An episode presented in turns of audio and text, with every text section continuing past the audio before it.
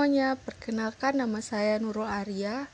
Saya mahasiswi Prodi Logistik Perdagangan Internasional semester 1 di Politeknik Negeri Batam. Saya akan menjelaskan sedikit atau hasil eksplorasi dan review Undang-Undang Ketenagakerjaan dan Undang-Undang Perdagangan. Saya akan menjelaskan tujuan dirumuskan pasal tersebut dan contoh kasus pelanggarannya dan apa sih sanksinya. Yang pertama, saya akan menjelaskan mengenai Undang-Undang Ketenagakerjaan. Undang-Undang Nomor 13 Tahun 2003 tentang Ketenagakerjaan bertujuan yang pertama, penjelasan pasal 4 huruf A Undang-Undang Nomor 13 Tahun 2003 tentang Ketenagakerjaan adalah Memperdayaan dan pendayagunaan tenaga kerja merupakan suatu kegiatan yang terpadu untuk dapat memberikan kesempatan kerja seluas-luasnya bagi tenaga kerja di Indonesia. Melalui pemberdayaan dan pendayagunaan ini diharapkan tenaga kerja Indonesia dapat berpartisipasi secara optimal dalam pembangunan nasional, namun dengan tetap menjunjung tinggi nilai kemanusiaan. Yang kedua, penjelasan pasal 4 huruf A Undang-Undang Nomor 13 Tahun 2003 yang berbunyi Pemerataan kesempatan kerja harus diupayakan di seluruh wilayah negara Kesatuan Republik Indonesia sebagai satu kesatuan pasar kerja dengan memberikan kesempatan yang sama untuk memperoleh pekerjaan bagi seluruh tenaga kerja Indonesia yang sesuai dengan bakat, minat, dan kemampuannya. Demikian pula pemerataan penempatan tenaga kerja ini perlu diupayakan agar dapat mengisi kebutuhan di seluruh sektor dan daerah-daerah. Yang ketiga, memberikan perlindungan kepada tenaga kerja dalam mewujudkan kesejahteraan dan meningkatkan kesejahteraan tenaga kerja dan keluarganya. Karena bidang ketenaga kerjaan dianggap penting dan menyangkut kepentingan umum, maka pemerintah mengalihkannya dari hukum privat menjadi hukum publik. Alasan lain adalah banyaknya masalah ketenaga kerjaan yang terjadi baik dalam maupun luar negeri. Salah satu contoh adalah banyak kasus yang masuk ke pengadilan hubungan industrial PHI menyangkut penggunaan tenaga kerja asing. Setiap putusan Badan Peradilan PHI akan menjadi evaluasi untuk kepentingan di bidang ketenaga kerjaan. Baik, saya akan menjelaskan contoh kasus pelanggaran di Undang-Undang Ketenaga Kerjaan dan apa saja sanksinya. Yang pertama, tidak terpenuhi persyaratan penyelenggaraan pelatihan kerja pada pasal 15.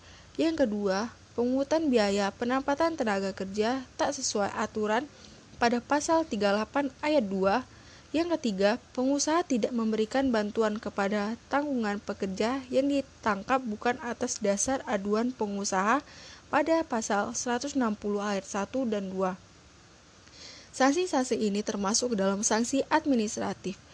Sanksi administratif yang diberikan dalam bentuk teguran, peringatan tertulis, pembatasan kegiatan usaha, pembukuan kegiatan usaha, pembatalan persetujuan, pembatalan pendaftaran, penghentian sementara sebagian atau seluruh alat produksi hingga pencabutan izin.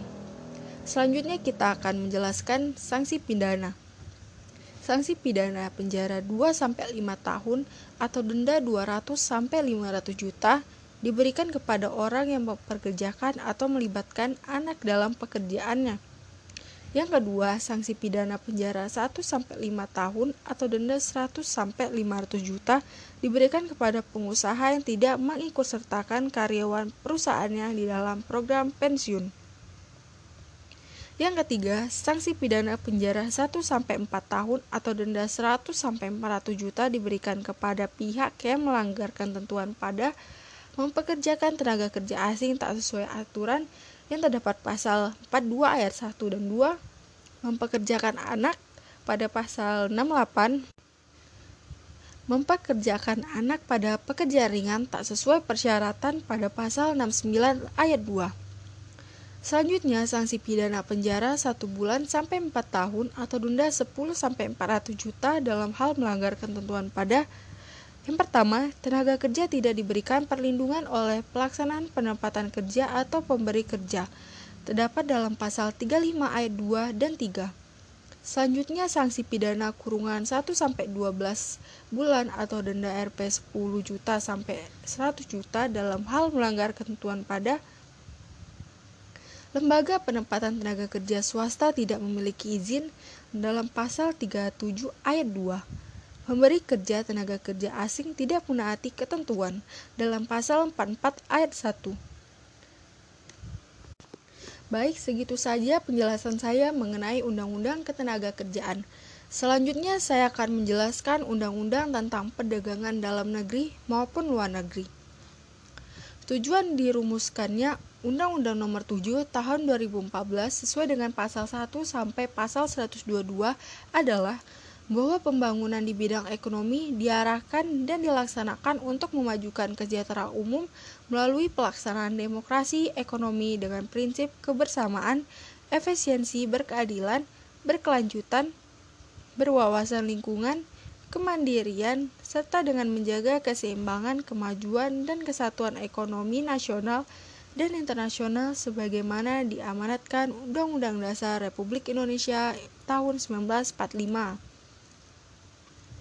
Yang kedua, bahwa pelaksanaan demokrasi ekonomi yang dilakukan melalui kegiatan perdagangan merupakan penggerak utama dalam pembangunan perekonomian nasional yang dapat memberikan daya dukung dalam meningkatkan produksi dan meratakan pendapatan secara memperkuat daya asing produk dalam negeri. Yang ketiga, bahwa peranan perdagangan sangat penting dalam meningkatkan pembangunan ekonomi, tetapi dalam perkembangannya belum memenuhi kebutuhan untuk menghadapi tantangan pembangunan nasional, sehingga diperlukan keberpihakan politik ekonomi yang lebih memberikan kesempatan, dukungan, dan pengembangan ekonomi rakyat yang mencakup koperasi serta usaha mikro, kecil, dan menengah sebagai pilar utama pembangunan ekonomi nasional. Yang terakhir, bahwa peraturan perundang-undangan di bidang perdagangan mengharuskan adanya harmonisasi ketentuan di bidang perdagangan dalam kerangka kesatuan ekonomi nasional guna menyikapi perkembangan situasi perdagangan era globalisasi pada masa kini dan masa depan. Baik, saya akan menjelaskan contoh kasus pelanggaran dan aturannya. Yang pertama, pasal 15 ayat 3, setiap pemilik gudang yang tidak melakukan pendaftaran gudang sebagaimana dimaksud pada ayat 2 dikenai sanksi administratif berupa penutupan gudang untuk jangka waktu tertentu atau denda paling banyak 2 miliar rupiah. Yang kedua, pasal 17 ayat 2 setiap pemilik, pengelola, atau penyewa gudang yang tidak menyelenggarakan pencatatan administrasi sebagaimana dimaksud pada ayat 1 dikenai sanksi administratif berupa pencabutan perizinan di bidang perdagangan. Yang ketiga, perdagangan jasa pasal 20 ayat 2 penyedia jasa yang tidak memiliki tenaga teknis yang kompeten sebagaimana dimaksud pada ayat 1 dikenai sanksi administratif berupa peringatan peringatan tertulis, penghentian sementara kegiatan usaha, pencabutan izin usaha. Baik, kita akan melakukan melakukan penjelasan mengenai sanksi pidana. Sesuai dengan pasal 106 menyebutkan pelaku usaha yang melakukan kegiatan usaha perdagangan tidak memiliki perizinan di bidang perdagangan yang diberikan oleh menteri sebagaimana dimaksud dalam pasal 24 ayat 1 dipidana dengan pidana penjara paling lama 4 tahun atau dipidana dengan denda paling banyak 10 miliar rupiah. Selanjutnya, pada pasal 107 menyebutkan pelaku usaha yang menyimpan barang kebutuhan pokok atau barang penting dalam jumlah dan waktu tertentu pada saat terjadi kelangkaan barang, gejolak harga, atau hambatan lalu lintas perdagangan barang sebagaimana dimaksud pada pasal 29 ayat 1 dipidana dengan pidana penjara paling lama 5 tahun atau dengan denda paling banyak 50 miliar rupiah. Selanjutnya, sanksi bagi pelaku usaha yang manipulasi data diatur pasal 108 yang menyebutkan pelaku usaha yang melakukan manipulasi data atau informasi mengenai persediaan barang kebutuhan pokok atau barang penting sebagaimana dimaksud dalam pasal 30 ayat 2 dipidana dengan pidana penjara paling lama 4 tahun atau pidana dengan denda paling banyak 10 miliar rupiah. Selanjutnya, pasal 109. Produsen atau importir yang yang memperdagangkan barang terkait dengan keamanan, keselamatan, kesehatan, dan lingkungan hidup yang tidak didaftarkan kepada menteri sebagaimana dimaksud dengan pasal 32 ayat 1 huruf A dipidana dengan pidana penjara paling lama satu tahun atau dengan denda paling banyak 5 miliar rupiah. Sekian dari saya mengenai penjelasan Undang-Undang Perdagangan. Saya ucapkan terima kasih dan sampai jumpa.